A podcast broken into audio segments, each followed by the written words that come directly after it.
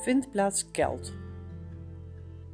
Joe kon best wat hebben, maar nu was hij wel een beetje klaar met haar idee van een wandeltocht. Ze kenden elkaar van een datingsite en het klikte meteen. Haar gezelschap, haar lach, haar energie. Hij werd er verliefd op. En hij was blij dat hij op zijn leeftijd nog zo'n prachtig avontuur mocht beleven. Maar dit was hem toch al te gortig. Ieder weekend dat ze samen waren, was wandelen er een vast onderdeel van. Vandaar het plan om in mei een lange tocht te maken in Groot-Brittannië, de coast-to-coast route. Beide uithoudingsvermogen waren uitstekend. Zij zou zorgen voor onderkomen, dat vond ze leuk, had ze verteld. Hij liet het met plezier aan haar over. Na de wandeling hielden ze ervan om ergens een hapje te eten ook daar genoten ze beide van. Tenminste, dat dacht hij. Op dag 1 hadden ze 30 kilometer afgelegd over stevig, heuvelachtig terrein.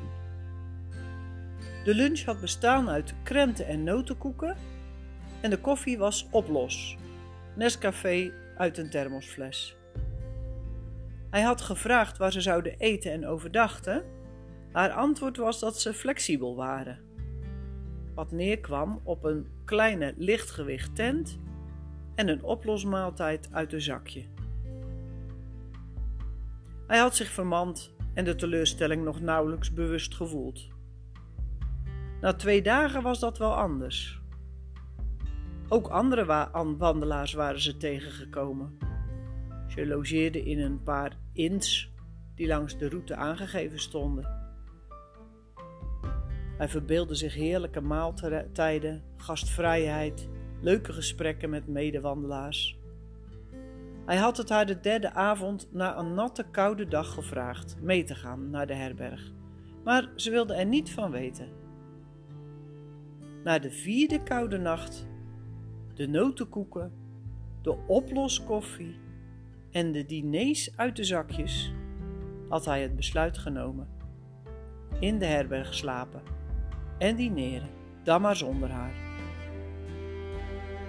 Maar nu liep hij schoorvoetend terug naar hun tent, zo groot als een kleine twijfelaar met een tentdoek erover. Er was geen plaats. Fully booked, sir. Dit vroeg om drastischer maatregelen, maar hij wist niet zeker of hij die heuvel wilde nemen.